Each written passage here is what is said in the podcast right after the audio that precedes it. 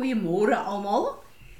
Dis heerlik om te luister na die reën wat begin val hier buite en uh, ek is opgewonde om te dink die seisoen vir die boere is hier om nie net te plant nie, maar ook om uh met afwagting en verwagting te kyk na die reën en na hoe die oes tot voluit um en tot volwasdom gaan kom. Dis vir my so 'n heerlike gedagte. Uh ek het ver oggend vroeg 'n uh, gedeelte gelees uh wat my regtig waar so getref het. Uh wanneer ons kyk na uh ons lewens en die woord wat die Here die afgelope paar jaar vir ons gegee het, het ek 'n paar keer verwys na 'n plek van uh daar's 'n plek waar die Here gaan ingryp in ons lewe om ons te help om met hierdie elke dag se uh uh versoekinge en plekke waar ons goed doen en sê en dink wat nie van die Here af is nie waar wat ons gaan help om bietjie oor onsself daar te kom. En uh ons almal het daai versigtiging van Paulus wat sê dit wat ek nie moet doen nie dit doen ek. En dit wat ek moet doen dit doen ek nie. Here wees my genadig. So daar's plekke in ons lewe wat ons weet waar ons baie keer onnodig sukkel met ons vlees. En uh, ek verstaan vir die eerste keer die uh, hele gedeelte van die transfiguration, die uh, plek van verheerliking uh, waar Jesus op die berg was met uh, van sy disippels en waar hy uh, uh, verander het in lig saam met Moses en Elia. Vir die eerste keer verstaan ek dit um, as 'n gebeurtenis wat met ons, die kerk van Jesus Christus gaan gebeur. Nou as ons kyk na Markus uh 9, die hele gedeelte daarvan, begin dit deur te sê and he Jesus said to them, I assure you most solemnly I say to you, there are some of those who are standing here who will not taste experience death before they see the kingdom of God after it has come with power. Nou, ek wil klem lê op die woordjie krag want dit is daai power and authority wat ek en jy baie keer mee sukkel. Nou as ons kyk na die tweede vers, dan staan daar 6 days later Jesus took him Peter and James uh, with him Peter and James and John and led them up a high mountain by themselves and he was transfigured changed before them and began to shine brightly with divine and regal glory. And his clothes became radiant and dazzling, intensely white, as no launderer on earth can whiten them. Elijah appeared to them along with Moses, and they were having a conversation with Jesus.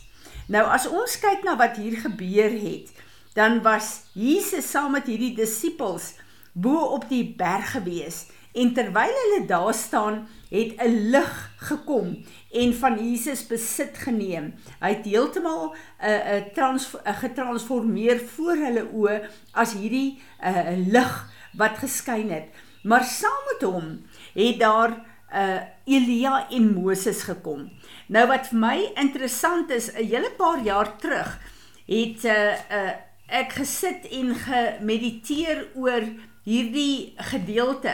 En Heilige Gees het vir my gesê dat ek het toe nie besef dis 'n prentjie van die end time church die 'n uh, 'n uh, uh, laaste dae kerk wat wat uh, op aarde moet werk vir uh, die Here en om die koninkryk te bou nie. Maar toe sê hy vir my Jesus as ons kyk in Efesiërs uh, 2 vers 20 dan staan daar So then you no longer strangers and aliens, outsiders with rights of citizenship, but you are fellow citizens with the saints, God's people, and are members of God's household, having been built on the foundation of the apostles and prophets, with Jesus Christ himself as the chief cornerstone, in whom the whole structure is joined together and it continues to increase, growing into a holy temple in the Lord, a sanctuary uh, dedication. Nou as ons kyk na die koninkryk van God, dan weet ons dat Jesus se boupatrone, hy is die meesterbouer. Die fondasie is die apostolic en die profetic. Daarom die uh, baie kerke wat die apostolic en die profetic die vyfvoud nie erken nie. Uh, kan nie regtig vir bou nie. Hulle kom en hulle gaan of hulle bou en daar is nie krag in daai plek nie. Want die enigste boupatroon is Jesus wat sê the apostolic and prophetic is die fondasie. Nou as ons kyk na hierdie prentjie van Jesus en Elia en Moses op die berg, was dit 'n manifestasie van die eindtyd uh, kerk. En uh, uh, uh Moses is die apostolic uh en Elia is die profeties en Jesus is die cornerstone. So dit is 'n prentjie soos wat Jesus in Markus uh 1 vers uh, 9 vers 1 gesê het dat uh ons gaan daar kom 'n tyd wat ons wat in die koninkryk van God is, gaan sien die koninkryk kom met krag. Nou wat so wonderlik hier is, ehm uh, ek wil vir julle 'n stukkie lees wat wat uh Francis van Japan uh, sê. The transfiguration is a picture of what I call the baptism of light. It is Isaiah 60 fulfilled. It is the kingdom cleansed of tears where the righteous will shine forth as the sun. Mattheus 13 vers 43. It is Daniel 12 verse 3 where those who have insight will shine brightly like the brightness of the expanse of heaven. Uh, it is the bride of Christ putting on her fine linen, bright and clean. Revelation 9 verse 8. Nou ja, hierdie is wat moet gebeur voor die uh, wegraping.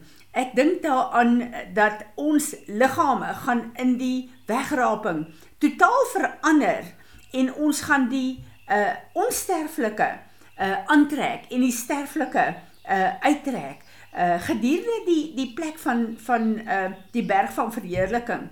Jesus se liggaam het dieselfde gebly, maar die lig het gekom. Dit was letterlik die lig wat in en deur hom geskyn het.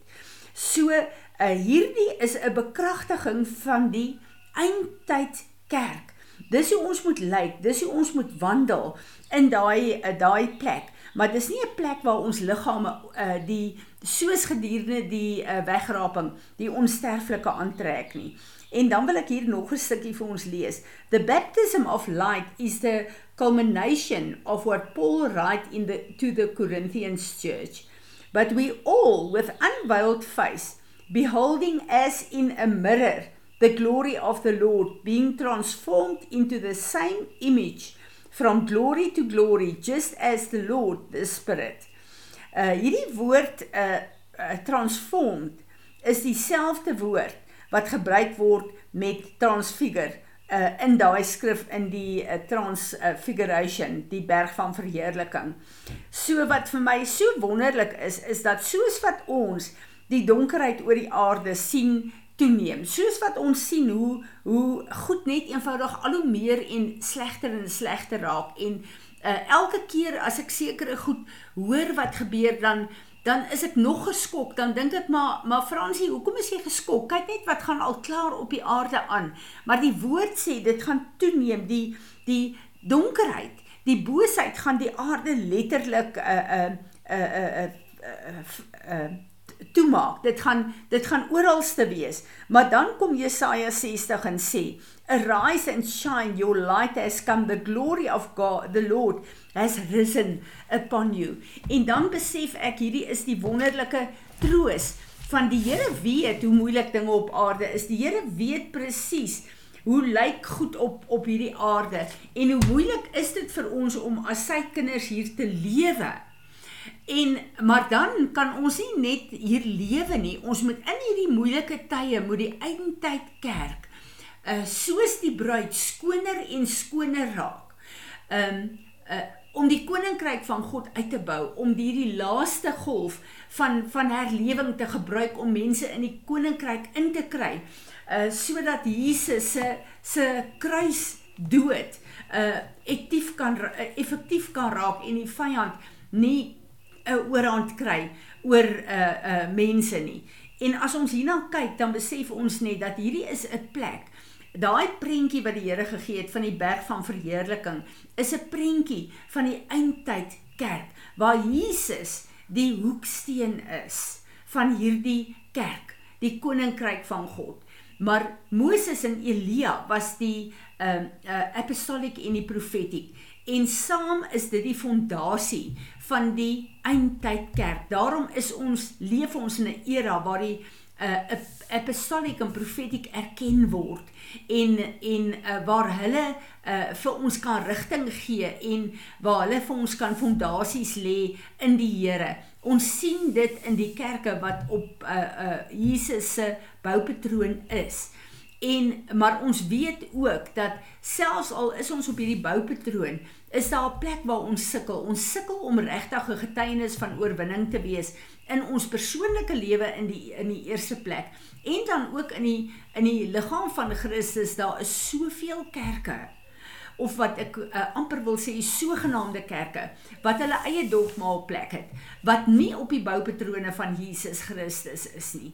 Maar die Here is besig om 'n eindtyd kerk bymekaar te maak wat se fondasie die uh, uh, apostolic en die profetiek is. Maar dan kom hy bonatuurlik en hy kom doop ons met sy lig sodat sy glorie deur ons kan skyn.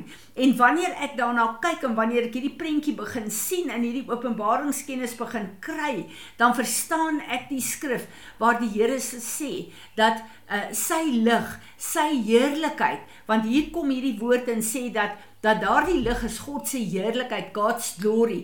The glory of our God will cover the earth. En dit gaan wees deur my en jou, die kerk van Jesus Christus wat gedoop is in die lig van God.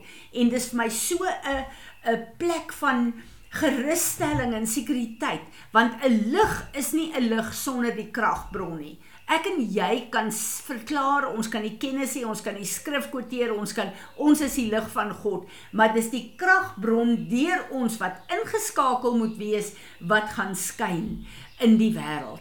En dit bring my op 'n plek waar ek weet daar's 'n plek waar God ons in 'n nuwe dimensie van wandel met hom hier op aarde gaan bring sodat ons waaragtig die lig van God kan wees in 'n wêreld wat al hoe donkerder en donkerder word. Ek hoop dat dit julle net so seën soos wat dit my ver oggend seën. Vader, Here Jesus en Heilige Gees van God, ek is opgewonde oor U. Ek is opgewonde oor U woord. Ek is opgewonde oor hierdie seisoen wat U ons inneem. Ek bid Here dat U lig so deur ons sal skyn, dat dit lig sal bring op aarde, maar dat dit U koninkryk sal bou as 'n vaste ewige koninkryk tot in alle ewigheid. Here Jesus, ek bid dat U verheerlik sal word deur ons elkeen se lewe. Amen.